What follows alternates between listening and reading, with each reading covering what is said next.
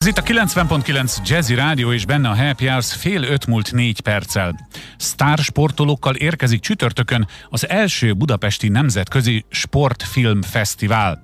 Hogy miért 2021-ig kellett várni, hogy az első is megtörténjen, ezt és persze a programokról még egy csomó mindent elmond nekünk Kárpáti György, a fesztivál program felelőse, a Pázmány Péter Katolikus Egyetem adjuktusa. Szervusz, itt vagy velünk? Szervusz, köszöntöm a hallgatókat! Szóval 2021 van, és hát a világban azért a sportfilm mint olyan létezik, és népszerű is. Nálunk viszont csak most kerül sor az elsőre. Gondolkodtál már azon, hogy miért kellett ezzel eddig várni?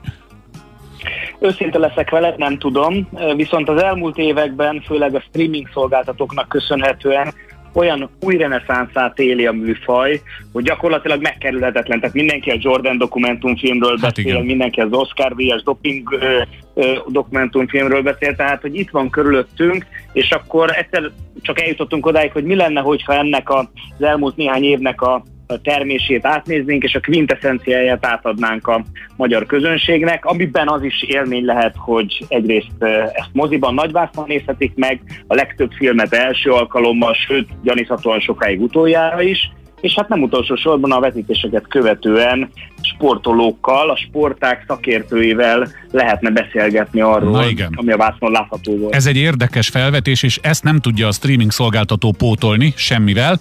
Ki, mi, milyen sportolókat sikerült megfűzni és bevonni ebbe a kampányba, hogy részese legyen és beszélgessen mondjuk egy adott film után? Mondj nekünk néhány nevet kérlek. Én ezt azért tartottam fontosnak, mert van egy olyan érzésem, hogy néhányak bármennyire szeretnek mondjuk olimpiát nézni, vagy világbajnokságot, adott sportág a kedvencük. Nem biztos, hogy egy arról szóló dokumentumfilm annyira érdekes, viszont úgy, hogyha egyrészt benézünk a kulisszák mögé, másrészt hallgathatunk és néhány érdekes gondolatot a kulisszák mögött, az már úgy lehet, hogy egy jó kombináció. És ennek szellemében például a csütörtökön kezdődő fesztiválon az első vetítés az Aténé Fonákja, a női tenisz nyomában című dokumentumfilm, amiben önmagában a női tenisz legnagyobb sztárjai Martina Navratilovától kezdve Billie Jean Kingig megszólalnak, és a vetítést követően pedig Temesvári Andrea lesz a vendégünk, aki azon túl, hogy az egyik legnagyobb uh, hölgy teniszezőnk, nem utolsó sorban a Grand Slam győzelmét párosban Navratilova oldalán ért el, és ha, akkor ugye ez egy igen. nagyon kézenfekvő dolog, hogy hát ott láthattuk, őt mesél róla valamit, és hát gyakorlatilag ilyesmi dolgokat szeretnénk minden film kapcsán. Például igazi kuriózum szerintem a Puszta Ököllel című dokumentumfilm, ami hát nem éppen egy olimpiai sportágról, hanem a keszti nélküli ököl harcról és annak az évszázados tradícióiról szól. E, viszont egy annál jobb kesztyűs öklözővel beszélgetünk a filmet követően, ő Erdei Zsolt, profi ökölvívó világbajnok. Biztosan nagyon érdekes dolgokat az fog biztos. elmondani, annak hmm. ellenére, hogy ő igen innen látta ezt a, ezt a dolgot. És Kiemelnék, igen. igen. Kiemelnék még Én egy filmet, de mondja nyugodtan, egymás szavába vágunk, de mond. Melyiket emelnéd ki te? A túl minden határont, mert olyan nevet kell ott megemlíteni, ami talán a, aki talán a nagy közönség számára kevés ismert, de mégis rendkívül impozáns eredményekkel büszkélkedhet például. Csak így hirtelen. E, én is ezt akartam mondani, Akkor elmondom jó. miért. A, kedvenc, a kedvencem a válogatásból, és azért, mert el kell mondanom, hogy én nem nagyon nézem önmagában a ritmikus gimnasztikát. Tehát, hogy elég távol állunk egymástól a sportág és, és én Viszont amikor ezt a filmet először láttam, annyira lenyűgözött az a hihetetlen emberi erőfeszítés, a korlátaink, az emberi korlátoknak a, a keresése, megtapasztalása, eh, hogy úgy voltam vele, hogy ezt mindenképpen szeretnénk átadni a magyar közönségnek, és itt eh, Vas Dóra lesz a vendégünk, aki csak, és itt most három idézőjelet használ a gondolatban, 38-szoros magyar bajnok, de Ezt szerintem tökéletes beszélgető partner lesz annak, hogy, hogy egyszerűen néha el sem tudjuk képzelni, amikor nézzük az olimpiát, hogy egy hatodik helyezés mögött micsoda, micsoda erőfeszítések vannak, mert ugye csak az arany meg az ezüstérmen mérjük a,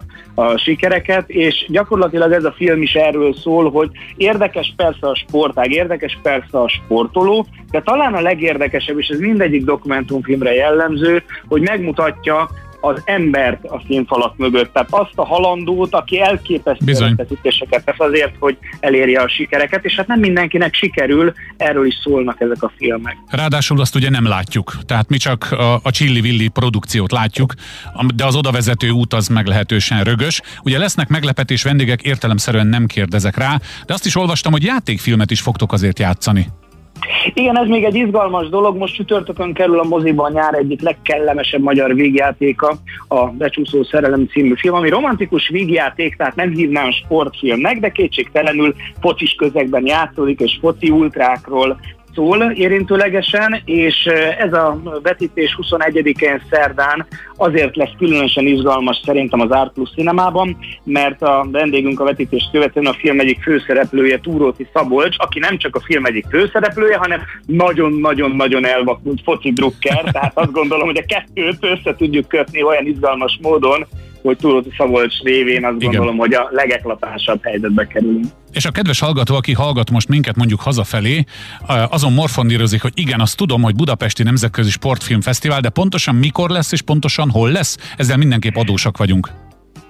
Július 15-től 21-ig, tehát most csütörtöktől egy héten át az Art Plus cinemában, az Erzsébet körúton, tehát abszolút moziban nagyvásznon lehet megnézni a filmeket, mindegyiket magyar felirattal, és gyakorlatilag kétszer láthatók a filmek, amelyből egy-egy alkalommal lesznek vendégeink. Én azt gondolom, hogy ez nem csak azért izgalmas, mert ebben a posztpandémiás helyzetben egy egészen különleges élményben lehet része, az érdeklődőknek, hanem tényleg azért, mert olyan sportolókkal, olyan szakemberekkel találkozhatnak és kérdezhetnek tőlük, akikkel nagyon ritkán, ha egyáltalán van lehetőségük. És engedd meg, hogy a legvégén még egy filmre felhívjam a figyelmet, mert ugye például a beszélgetős vendégek között ott lesz ugye Erdei Zsolt, vagy éppen Temesvári Andrea, de mondjuk Skardelli György nevét nem sokan ismerik, pedig Kossuth építész, és az is érdekes téma lehet a Puskás Aréna vezető tervezője, hogy egy ilyen típusú dokumentumfilm után ő mit mond.